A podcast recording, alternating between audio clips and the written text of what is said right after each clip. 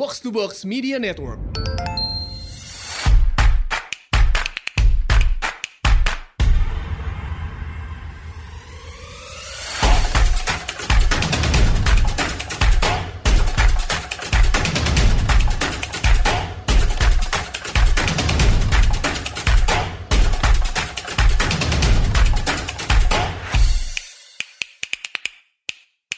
Selamat datang di Asumsi Bersuara. Kali ini kita akan bahas uh, tentang sebuah isu yang sebenarnya penting banget untuk dibahas gitu ya, tentang keamanan data pribadi kita di internet. Saking pentingnya menurut gue isu ini, sebelumnya kita juga sebenarnya udah pernah membahas beberapa uh, isu ini dengan beberapa pakar gitu, dari think tank, dari pakar hukum, dari industri juga. Nah kali ini kita kedatangan satu pihak lagi yang juga uh, sangat penting gitu ya untuk kita diskusi soal uh, keamanan data pribadi ini, yaitu dari pemerintah gitu ya. Bagaimana sih upaya-upaya pemerintah memastikan keamanan data pribadi kita gitu di, di internet. Nah, kita kedatangan Mas Doni Budi Utoyo, tenaga ahli bidang literasi digital dan tata kelola internet di Kementerian Komunikasi dan Informatika atau Kominfo. Mas Doni, welcome to the podcast, uh, Mas Doni. Halo Mas, Mas Re. Selamat pagi, siang, uh. atau sore kawan-kawan semua. Ya, pagi Mas Doni. Pertama-tama nih Mas, uh, mungkin sebelum kita bicara komitmen pemerintah gitu ya untuk melindungi data pribadi warga, kan kita tuh sering dengar gitu betapa kayaknya warga Indonesia tuh sebenarnya juga katanya belum peduli-peduli amat gitu tentang keamanan data pribadi masing-masing. Itu kan penting uh, kita bahas dulu kan soal um, awareness uh, warga soal ini. Mas, Mas Doni ngeliatnya gimana nih Mas? Uh, seperti apa sih sekarang nih tingkat kepedulian masyarakat terhadap uh, keamanan data pribadi uh, kita nih? Ya sebenarnya sih secara umum memang begini ya pemahaman tentang apa itu data pribadi sendiri memang masih perlu eh, banyak kita apa namanya kita suarakan bersama ya. Jadi tidak hanya bicara pemerintah di sini tapi juga eh, teman-teman media, teman-teman masyarakat sipil atau private sector, akademisi segala macam kita harus bareng-bareng menyuarakan itu apa sih yang maksudnya konsep data pribadi itu seperti apa. Jadi kalau uh, kita bicara bahwa uh, memang belum banyak uh, belum cukup banyak orang atau masyarakat Indonesia yang memahami konsep data pribadi memang iya. Jadi kalau dari sisi konsepnya memang belum banyak yang memahami uh, itu bukan itu berarti juga bisa ber apa, apa namanya berimplikasi pada uh, minimnya pemahaman orang tentang pentingnya menjaga data pribadi itu. Hmm. Jadi konsep data pribadi itu perlu kita dorong dulu supaya masyarakat paham bahwa semua hal yang terkait dengan identitas dirinya atau yang bisa mencirikan dirinya itu adalah data pribadi. Nah, kalau itu sudah bisa dipahami, baru kemudian kenapa itu harus dilindungi? Mengapa hmm. kita harus melindungi data pribadi kita? Mengapa kita harus melindungi data pribadi orang lain? Jadi betul Mas, apalagi di sekarang di era digital seperti saat ini, di mana hampir semua hal yang kita pakai di internet itu ada kaitannya dengan uh, penggunaan data pribadi atau uh, mensyaratkan adanya data pribadi yang di apa yang disubmit begitu yang dikirimkan ini menjadi PR tersendiri gitu. Ya, kalau kan dalam mungkin dalam satu setengah tahun terakhir ya Mas Doni sejak um, sejak mulainya uh, pandemi COVID ini kan uh, penggunaan internet katanya meningkat drastis ya katanya sih sampai 30 sampai 40 persen gitu peningkatan penggunaan internet yeah. gitu. Jadi ya mungkin yeah. yang tadinya kerja di kantor jadi di rumah, yang tadi yeah. di sekolah uh, belajar di sekolah jadi di rumah segala macam kan pasti banyak pengguna internet baru gitu ya. Um, apa aja sih mas mungkin yang yang uh, uh, teman-teman di Kominfo lihat gitu banyak uh, kalau tadi Mas Doni sempat sebut soal uh, mungkin banyak yang belum aware gitu ya ada mungkin kesalahan-kesalahan yang biasa dilakukan uh, masyarakat tentang um, tidak melindungi data pribadinya itu seperti apa sih biasanya yang yang ya, terjadi? Jadi sebenarnya kembali begini di tahun lalu tuh pengguna internet kita ada 170-an juta sekarang udah 202 jutaan sekian hmm. ya artinya ada pertumbuhan yang luar biasa dan ini kan di, didorong dengan apa namanya uh, masa pandemi ya semua harus work from home uh, sekolah from home gitu ya terus apa apa hmm. kalau bisa ya apa namanya berbisnis atau bertemu orang rapat semuanya dengan dengan internet jadi lonjakan penggunaan internet ini memang sangat terasa Ditambah lagi kan sekarang eh, eranya transformasi digital. Kemudian Kominfo juga mendorong dan memfasilitasi transformasi digital dan berbagai hal, apakah membangun BTS, menyiapkan regulasinya, dan segala macam. Nah, kembali tadi, uh, pengguna, jumlah penggunaan internet di Indonesia saat ini belum seiring dengan uh, pemahaman orang tentang uh, apa namanya do and don'ts-nya di internet atau kita kalau istilahkan literasi digital. Hmm. Jadi jumlah pengguna internet yang tumbuh itu tidak seiring dengan uh, kemampuan literasi digital dari pengguna internet. Kenapa ini bisa terjadi? Ya memang kita tidak tidak perlu lagi kemudian menunjuk oh yang salah ini atau yang belum perform ini atau yang sudah bagus ini nggak bisa itu. Sekarang kita bareng-bareng. Jadi ini juga buat bareng-bareng buat apa namanya buat Indonesia ya. Jadi bukan pada pihak tertentu. Jadi kenapa? Karena memang uh, internet ini kan tumbuh anggaplah tahun 99 tahun 2000-an ini kan masuk mulai ramai di Indonesia. Hmm. Dan itu ditambah juga dengan kondisi uh, waktu itu orang mulai bebas berekspresi setelah tahun 98 yeah. apa namanya uh, kita bisa lebih bebas berekspresi, uh, internetnya masuk dan kemudian semua apa langsung euforia ya menggunakan internet untuk berbagai macam kegiatan. Makanya kemudian uh, yang kita pikirkan saat ini wah ini perlu nih ada edukasi nih di sisi hulunya, ada ya. edukasi di sisi literasi digitalnya. Tapi ini kan belum bisa terlaksana secara masif, belum terstruktur ya. Misalnya kita belum masuk ini ke dalam kurikulum nasional, misalnya literasi digital hmm. dan segala macam lah. Artinya apa? Adik-adik kita, anak-anak kita, keponakan kita atau kita sendiri pakai internet adalah learning by learning by doing. Karena belum ada acuan yang yang yang jelas belum belum ada acuan yang cukup ya belum ada apa belum ada kegiatan cukup. Makanya belum ada kegiatan apa untuk melakukan edukasi yang cukup maka kemudian salah satu uh, pilar dalam literasi digital itu adalah bicara soal privacy bicara soal data pribadi dan perlindungan data pribadi. Ini yang kemudian di saat ini pada saat orang pakai internet yang makin rame ya orang tidak banyak sekali lagi yang paham oh ternyata ini tuh data pribadi. Oh, ini tuh ternyata yang dilindungi. Contoh, misalnya nomor telepon ya yang kita pakai buat hmm. WhatsApp, buat Messenger itu kan adalah data pribadi. Ya. Kenapa mau disebut data pribadi? Karena nomor telepon itu mengacu hanya pada satu orang tertentu. Kalau misalnya satu identitas itu tidak mengacu pada satu orang tertentu, itu nggak bisa dianggap data pribadi. Misalnya uh, Doni, itu data pribadi bukan? Bisa jadi kalau yang nama Doni cuma satu dua orang. Iya. Tapi kalau namanya Doni ada seribuan, oke, okay, berarti Doni yang mana? Oh, Doni yang tanggal lahirnya ini. Nah, kombinasi antara nama dan tanggal itu data pribadi. Kan langsung merujuk ke satu orang. Apalagi nomor handphone. Nomor handphone kan dipegang satu orang. Ya. Betul ya? Nah, sekarang nih, kalau anggap nomor handphone itu adalah data pribadi karena itu merujuk ke satu orang tertentu, di situ kan nomor handphone kita transaksi perbankan di situ, bener ya? Ojek yeah. online di situ, pesan makanan di situ, identitas kita semua ada di situ. Oke. Nah, kadang kita nggak nggak kadang-kadang di misalnya di WhatsApp grup kita suka invite orang tanpa izin yang bersangkutan. Betul. Bikin grup lalu main di invite masuk. Ya. Terus misalnya ada yang nanya di grup, eh kamu punya kontaknya si X nggak atau si Y nggak? Oh ada, bentar ya kita share di grup nomornya. Ya. Teman kita tanpa izin, tanpa nanya dulu yang bersangkutan, eh bro boleh nggak atau sis boleh nggak nomor telepon lo gue invite ya ke grup boleh nggak nomor telepon lo gue kasih ke ini ada yang minta kadang-kadang hmm. kita ya kan teman sendiri lah nggak apa-apa nah itu adalah salah satu contoh bagaimana kita nggak nge ada data pribadi dan bagaimana melindunginya masih banyak yang lain nanti yeah. terkait dengan pinjaman online masih terkait dengan penggunaan aplikasi dan segala macam segala macam yeah.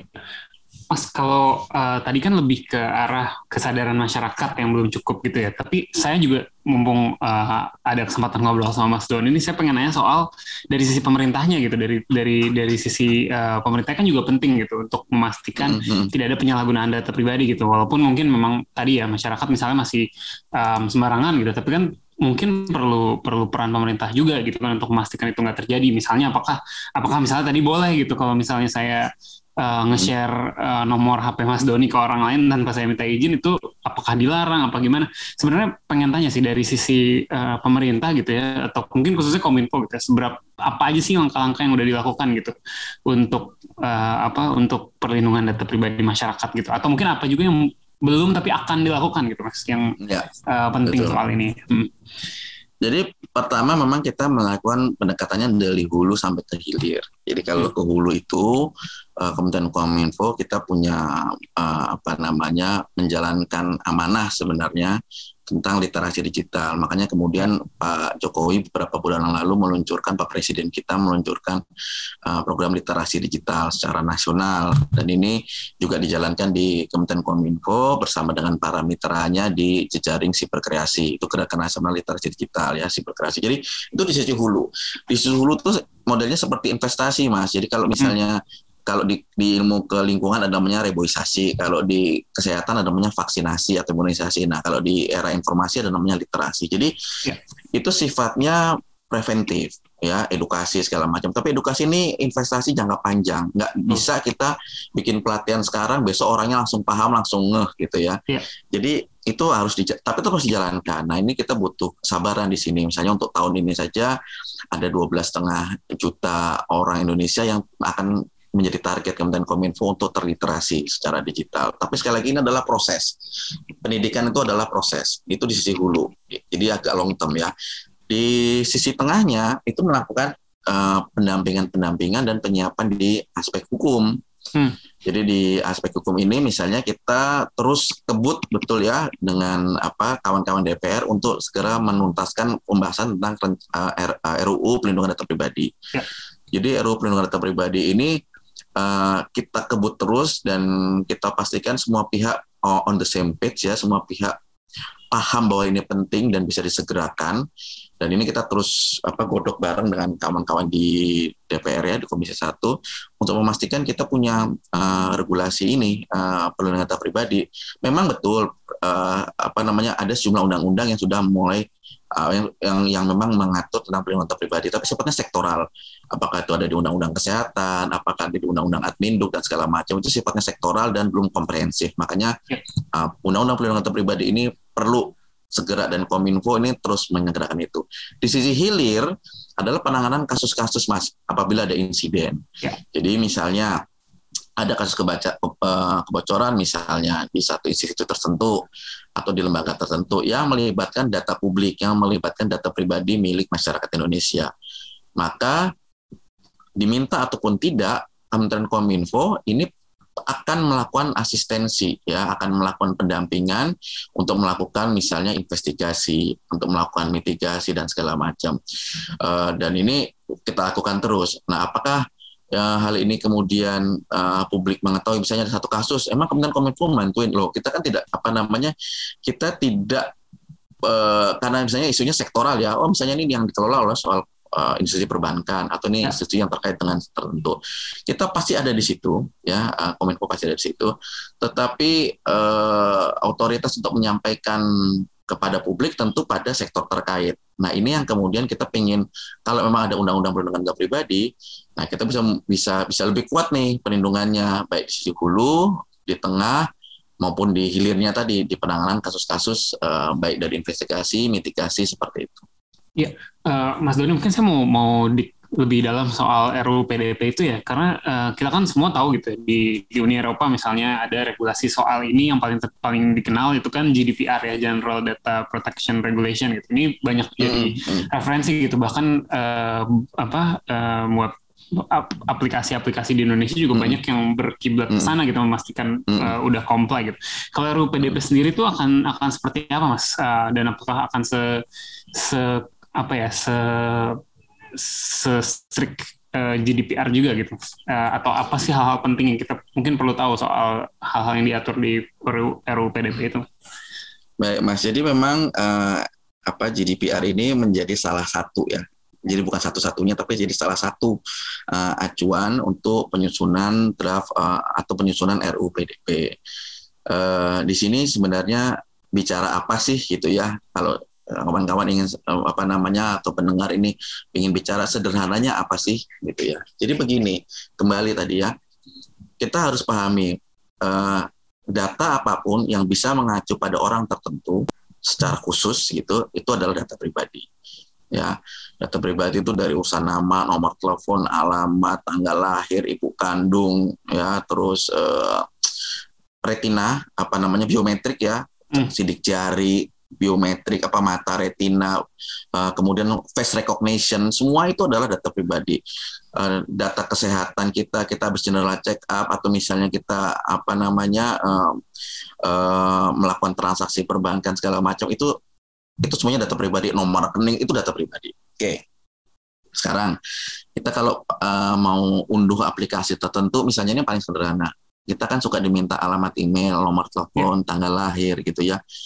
Nah itu kita memberikan data pribadi kita ke pihak lain supaya kita bisa mendapatkan apa itu bisa mendapatkan layanan aplikasinya ya. Jadi kita supaya bisa pakai aplikasinya kita diminta data pribadi eh, kita nomor telepon dan segala macam. Nah eh, undang-undang RU perlindungan data pribadi termasuk yang kemudian kita kita ambil asal satu aspirasinya jadi GDPR dan dari hukum-hukum di negara lain kemudian kita ramu menjadi kasih Indonesia. Ini intinya bicara begini mas. Semua pihak yang meminta atau mensyaratkan untuk kita menyerahkan data pribadi itu harus memenuhi sejumlah peraturan. Misalnya, apakah itu pada saat data pribadi kita serahkan ya, misalnya ke company X misalnya, apakah si company X menjelaskan secara utuh kepada kita gitu ya, yang menyerahkan data pribadi, ini tujuannya untuk apa? Misalnya, Mas, uh, kamu nyerahin data nitipin KTP misalnya atau memasukkan nomor telepon, apakah dijelaskan ini tujuannya untuk apa ya? Terus apakah ini boleh diserahkan ke pihak lain?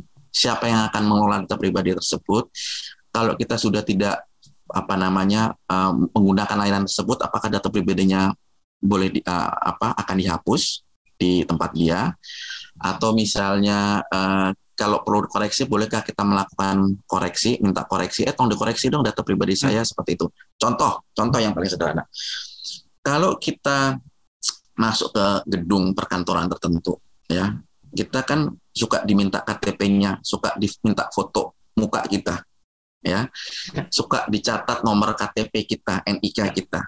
Oke, kalau ada undang-undang PDP, kita berhak nanya, ini aturannya mana nih? Hmm Oke, ada kok aturannya ini. Oke. Uh, kamu minta untuk apa? Untuk keamanan, Pak. Oke, fine. Untuk keamanan. Untuk keamanan memang NIK saya kenapa harus dicatat? Ini gini-gini alasannya. Oke, kalau saya udah keluar gedung, catatan ini dihapus nggak? Hmm. Misalnya kayak gitu. Oh enggak Pak, ini untuk disimpan kita. Misalnya ada apa-apa, misalnya ya, ada kejadian apa dalam gedung, kita bisa trace back. Oke, berapa lama data saya akan disimpan? Kalau misalnya saya udah seminggu nggak ada apa-apa, data saya disimpan terus dong. Terus ada jaminan nggak data saya nanti nggak dijual belikan? Nah, ya. ini adalah regulasi ini adalah untuk melindungi supaya nggak semua orang sembarangan ngambil data pribadi kita diam-diam maupun secara terang-terangan, tetapi kitanya juga harus memiliki kritis gitu ya kita kita hmm. melakukan apa namanya uh, critical thinking untuk melindungi data pribadi kita dan dilindungi undang-undang. Ya, contoh paling sederhana lagi nih mas. Ya. Dulu sebelum sebelum sebelum uh, sebelum ppkm ya sebelum apa namanya pandemi atau ada beberapa kegiatan kan kalau kita ikut acara onsite ataupun online suka isi absen. Benar nggak? Betul. Isi absen misalnya tanda tangan. Eh tanda tangan jangan lupa itu data pribadi loh. Itu kan ya, menjadikan orang tertentu. iya. oh, oh kita isi tanda tangan kadang-kadang di lembar absen tuh nama eh, nomor telepon email tanda tangan kita lalu masuk ikut acara bener ya Ya. Apakah kita pernah berpikir bahwa misalnya ini misal nih data pribadi yang tadi dikolek nama, nomor telepon, email dan tanda tangan itu kalau dikumpulin jadi satu bisa menjadi diperjualbelikan. Ya. Kita mikir nggak? Enggak, karena kita yang penting ikut seminarnya, misalnya kayak gitu. Ya. Nah, kalau sekarang beberapa pihak itu sudah mulai sadar dia menulis jadi pada saat dia nulis nama nomor telepon tanggal tangan itu ada satu lembar lagi yang si si pesertanya uh, baca konsen. Data kami kumpulkan hanya untuk keperluan acara ini dan akan disimpan selama beberapa masa hanya untuk keperluan administrasi dan kemudian akan kami hapus dan tidak akan disebarkan ke orang lain dan seterusnya dan seterusnya. Nah, itu bicara kegiatan yang sepele nih, dalam tanda kutip sepele ya, seminar dan segala macam. Bagaimana kalau kemudian terkait dengan data pribadi yang dikelola oleh platform media sosial. Ya, betul. Bagaimana yang dikelola bahkan oleh pemerintah sendiri. Ya kan? Pemerintah kan juga bukan bukan berarti bebas aturan, dia juga perlu diatur ngumpulin data pribadi untuk keperluan apa pun, ya itu juga ada. Nanti perlu ada aturannya. Apakah nanti untuk keperluan pelinsos misalnya perlindungan sosial atau misalnya untuk terkait dengan administrasi kependudukan misalnya. Itu kan mengumpulkan data pribadi. Jadi itu mas setiap data pribadi itu milik siapa? Data pribadi itu milik pribadi milik orang per orang. Yang kemudian atas nama kepentingan penyelenggaraan administrasi negara yang dilindungi oleh undang-undang maka data pribadi kita bisa atau wajib diserahkan dititipkan begitu ya pengelolaannya kepada orang yang berhak. Nah, termasuk nanti ke media sosial. Nah, media sosialnya kalau nanti nggak comply sama aturan UU PDP gimana? Tiba-tiba dia bocorin segala macam. Ya banyak sanksinya. Kalau di sejumlah negara lain yang sudah ada undang-undang PDP yang sudah ketat kayak Singapura segala macam, kalau kita bisa lihat case-nya ya, saya baca beberapa case-nya, hmm. data bocor misalnya oleh layanan online tertentu kemudian itu ada institusinya ya. Ada institusinya yang uh, yang kemudian memutuskan oke okay, kamu bersalah ya karena membocorkan data pribadi si A si B si C. Itu bisa kena denda tinggi. Ya. dendanya tinggi banget mas. Jadi orang nggak bisa sembarangan lagi sekarang uh, apa namanya dengan uh, data pribadi uh, warga negara seperti itu. Ya ya. Karena kalau sekarang kan kita misalnya dihubungi um, market marketer tertentu gitu kan. Kita mungkin nggak tahu nih dapat dari mana dia dia uh, nomor HP kita gitu kan data-data kita. Bahkan kadang-kadang udah lengkap tuh. Udah uh, aplikasinya udah dibuatkan gitu kan. Semua data kita udah ada gitu di dia. Kita kan nggak tahu nih siapa nih yang me, me, apa me, me, menyebarkan ya mas. Iya, itu kan kesel, kesel banget ya Mas ya. Di yeah. telepon terus dia langsung kami dari bank ini uh, kami lihat Bapak transaksinya baik dan kemarin ada apa namanya transaksi yang berjalan baik sekian juta, apakah mau diubah menjadi gini, gini segala macam. Dalam hatiku, ya dalam hati harusnya ya kalau baik undang-undang dan nanti sudah ada, kita bisa nanya, Mbak atau Mas, saya menyerahkan data pribadi ke bank Anda hanyalah untuk urusan saya punya rekening. Hmm kalau sampai saya ditelepon dan ditawari produk-produk dan segala macam itu adalah penyalahgunaan data pribadi karena saya tidak memberikan konsen kepada bank Anda ya untuk menggunakan data pribadi saya untuk urusan selain perbankan saya. Jadi kalau nawarin produk-produk itu jelas penyalahgunaan data pribadi. Ya. Nah, saya biasanya melakukan itu, tapi kan sekarang belum ada undang-undang ya. ya paling ya. nggak mereka mikir, oh kami tergabung dalam bank ini, nggak peduli pada saat kita menyerahkan data pribadi penggunaannya untuk apa? Nah, itu nanti di, diatur di Undang-Undang PDP. Jadi misalnya kita yang data pribadi hanya untuk keluar A, B, C. Nggak boleh nanti A, B, C iya, tapi ada E, ada F, ada G, segala macam. Loh, ya, ya, bisa kayak gitu. gitu. Mas, uh, kalau spesifik soal penyelenggaraan sistem elektronik nih kan yang tadi uh, Mas Doni juga sebut itu yang paling besar mungkin ya kita menggunakan aplikasi-aplikasi atau uh, layanan-layanan online gitu website-website yang kita gunakan sehari-hari itu kan kita pasti banyak memberikan data uh, pribadi kita gitu. Sekarang tuh udah ada sistem dan aturan dari pemerintah bukan sih apa yang boleh dan tidak boleh atau harus mereka lakukan gitu untuk melindungi data data kita mas? Iya mas, jadi sebenarnya kita sudah ada di apa namanya di Undang-Undang Informasi dan Transaksi Elektronik itu sudah hmm. ada. Jadi misalnya di pasal 26 ya kalau saya nggak salah uh, ayat 1 begitu itu sudah sudah sudah dijelaskan sebenarnya. Misalnya bunyinya adalah kecuali ditentukan oleh peraturan lain atau undang-undang yang lain, maka penggunaan atau pemanfaatan data pribadi seseorang harus dilakukan atas persetujuan orang yang bersangkutan. Itu tuh nanti ada di, di, di bagian pasal penjelasannya apa yang disebut dengan data pribadi ya misalnya itu itu misalnya terkait dengan privasi dan segala macam itu ada. Kemudian juga di uh, Kementerian Kominfo punya peraturan menteri permen eh, peraturan menteri komunik apa Kominfo nomor 20 tahun 2016 itu tentang perlindungan data pribadi dalam sistem elektronik. Itu ada sebenarnya. Jadi baik di undang-undang IT maupun di uh, peraturan menteri Kominfo itu ada. Tetapi memang sekali lagi kalau undang-undang informasi dan transaksi elektronik ini kan bicara uh, transaksi elektronik in general kemudian pasal tentang uh, apa namanya perlindungan pribadi itu masuk di situ. Tapi dia tidak spesifik mengatur tentang uh, perlindungan pribadi. Kemudian peraturan Menteri Kominfo juga ada itu spesifik bicara tentang uh, pada sistem elektronik uh, dan sebagian pihak beranggapan bahwa ini kalau sudah ada Permen Kominfo ini kan dianggap ini sifatnya sektoral. Sektoral dalam arti apa? dianggap ya urusannya sama yang diurus sama Kominfo aja dong. Yang PDP pelindungan data pribadi pada sistem elektronik di sektor lain nggak masuk sini dong harusnya. Misalnya misalnya terkait dengan keuangan misalnya karena kan ada mereka punya undang-undang sendiri ya undang-undang perbankan. Nggak masuk ke urusan sistem elektronik yang dikelola sektor kesehatan dong karena mereka punya undang-undang kesehatan sendiri dan itu juga mereka bicara uh, ada soal perlindungan uh, data pasien kayak gitu.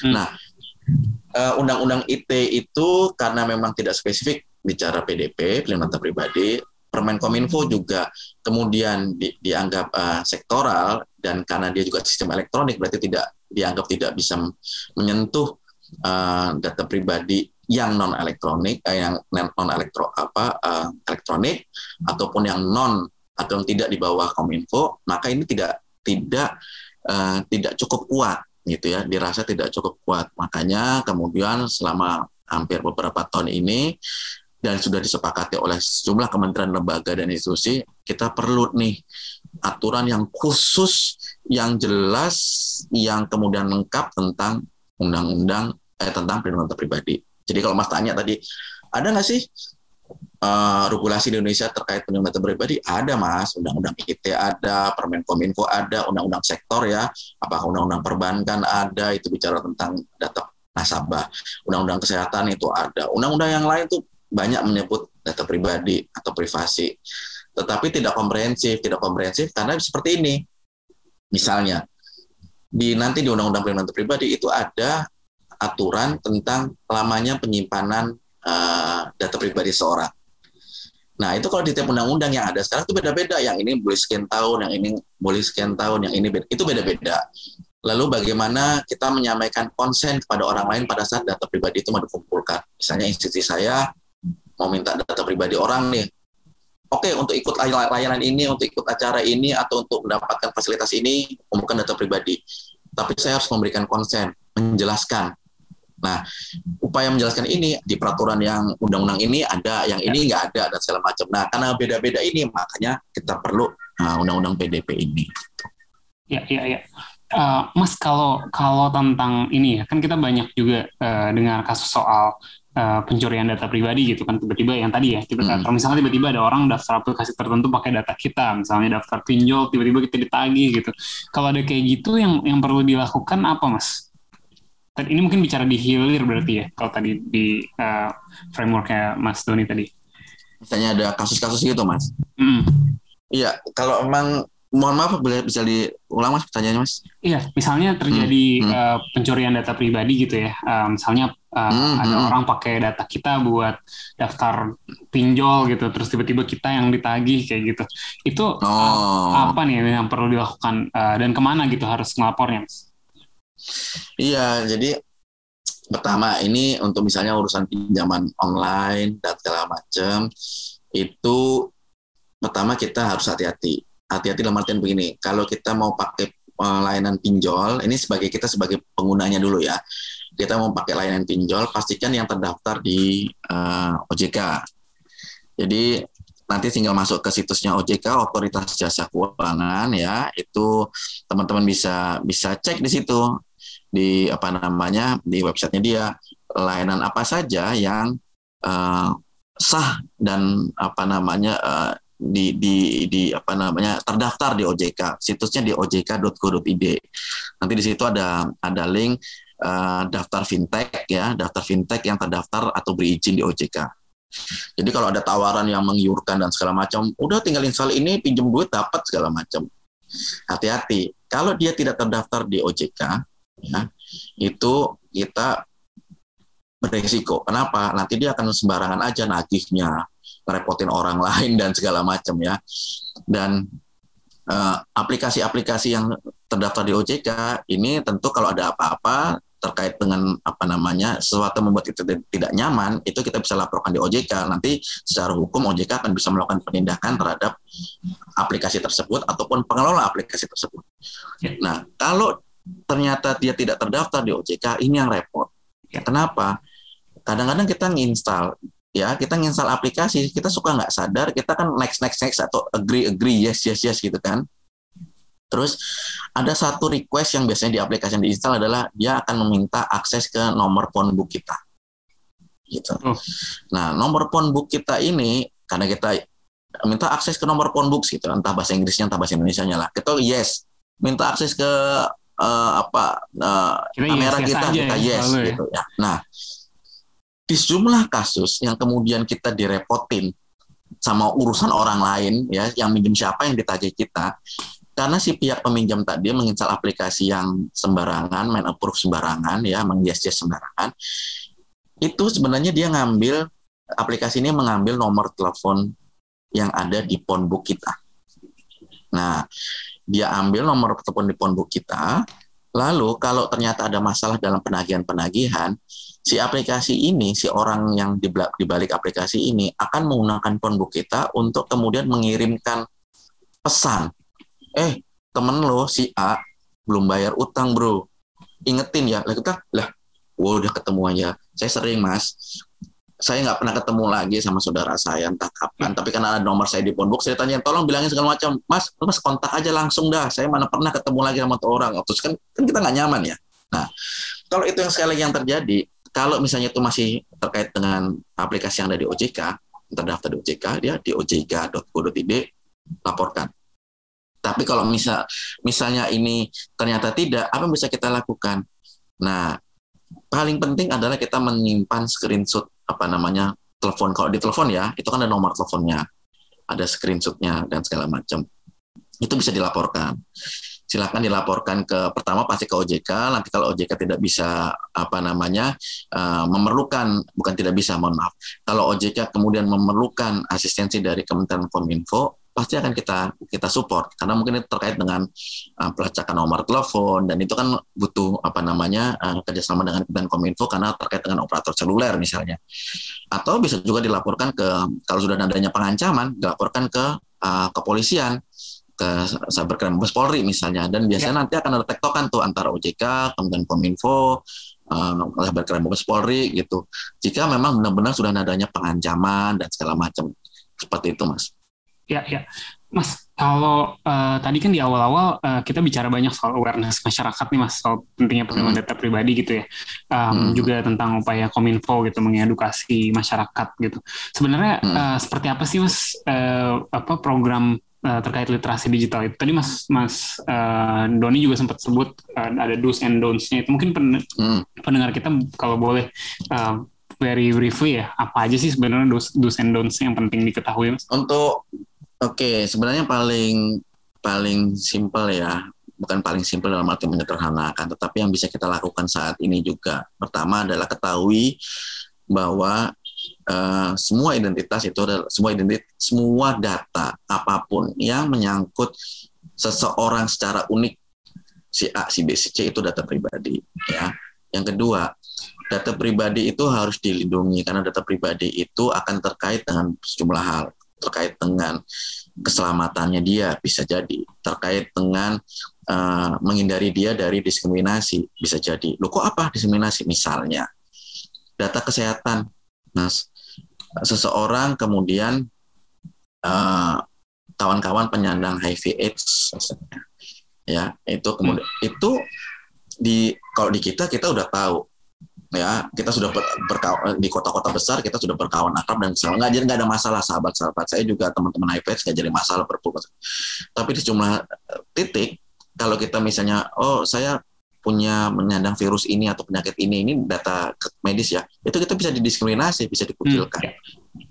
atau misalnya hal-hal yang lain deh gitu ya. Nah itu kita harus jaga. Jaga data pribadi kita jaga data pribadi orang. Jadi uh, kalau itu dibocorkan atau misalnya tanpa konsen orang yang bersangkutan itu kita sebarkan itu berisiko terhadap kesehatannya dia keselamatannya dia uh, terkait masa depannya dia dan segala macam.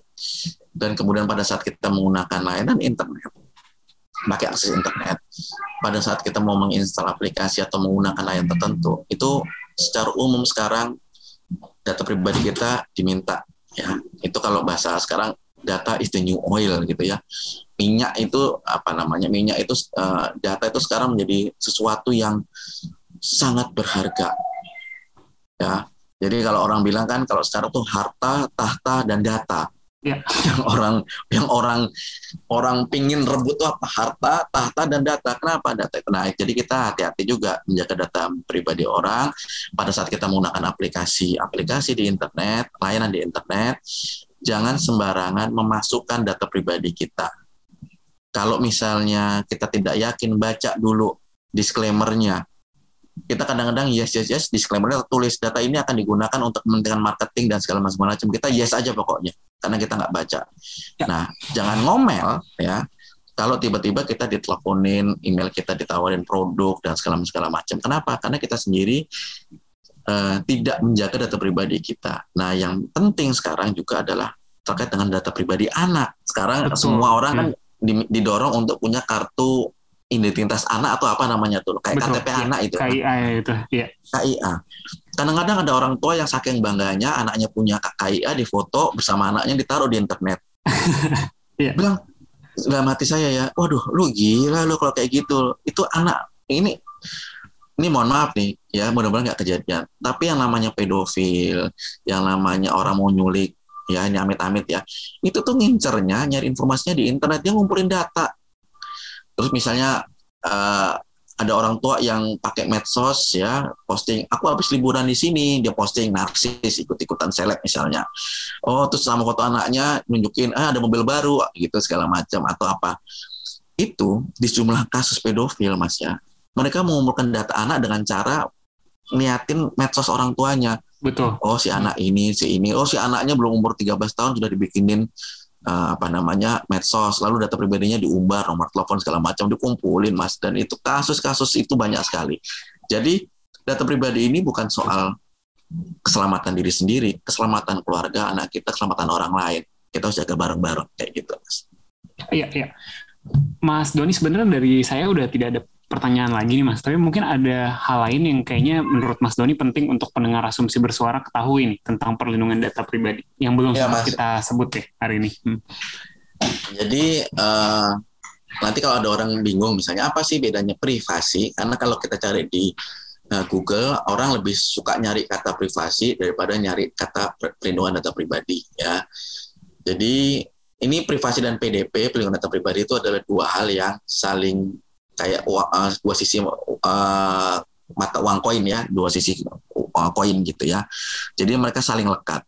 Jadi kalau misalnya bilang itu kan privasi gue gitu. Nah, privasi itu sebenarnya adalah uh, kemampuan kita, uh, hak kita juga untuk menyampaikan atau tidak menyampaikan hal-hal uh, yang terkait dengan diri kita ke orang lain. Jadi misalnya ditanya umur kamu berapa? Oh maaf, itu privasi saya kita kita punya hak untuk tidak menyampaikan. Tetapi ada orang yang dengan senang hati, oh umur gue sekarang 40 gitu. Ya nggak apa-apa juga, karena privasi itu beda-beda ukurannya. Privasi itu melekat kepada masing-masing dan dia bisa menentukan. Tetapi nggak bisa juga semuanya, misalnya kita mau ngurus SIM. Maaf Pak, tanggal ini berapa? Oh maaf Pak, itu privasi saya. Lah, Bapak, gimana saya mau input? Jadi privasi itu sekali lagi adalah hak ya kita, kemampuan kita untuk menyampaikan sesuatu atau tidak mau menyampaikan sesuatu terkait dengan data uh, tentang diri kita. Tetapi nggak bisa digunakan sembarangan juga, ya karena ada beberapa hal yang kita harus kasih tahu karena untuk kepentingan tertentu. Nah, menyampaikan kepada kepentingan tertentu itu khususnya terkait dengan data pribadi harus dilindungi dengan undang-undang. Jangan sampai semua orang sekarang sembarangan. Emangnya teman-teman mau nih kita masuk ke mana saja lalu uh, misalnya ke salah satu gedung kantor. Sidik jarinya pak ya. Kenapa? Ya ini perlu pak wajib. Oh siap.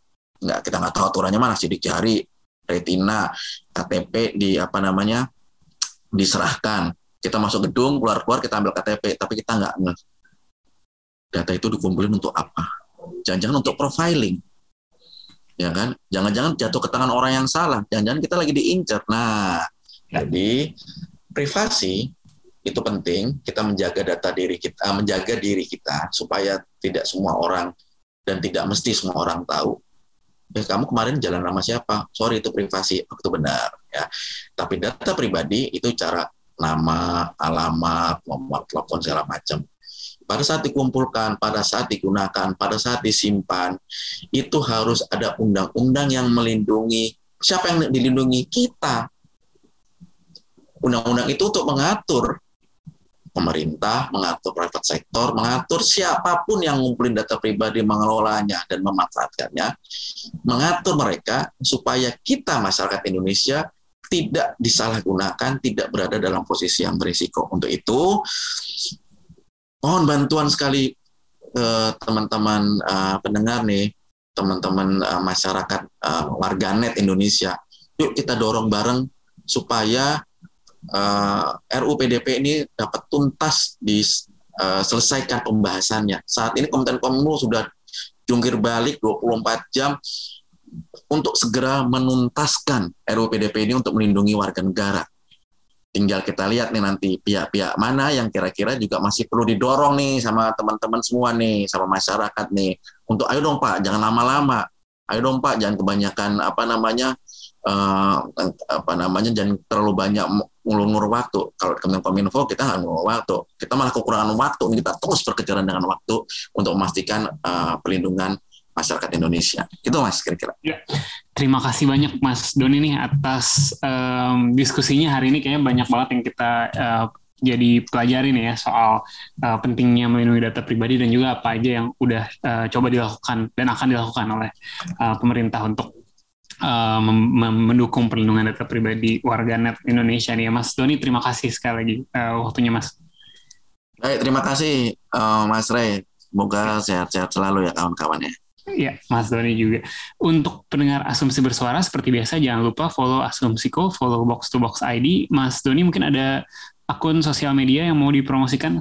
Kalau saya jawab, maaf mas itu privasi. Boleh nggak? Enggak.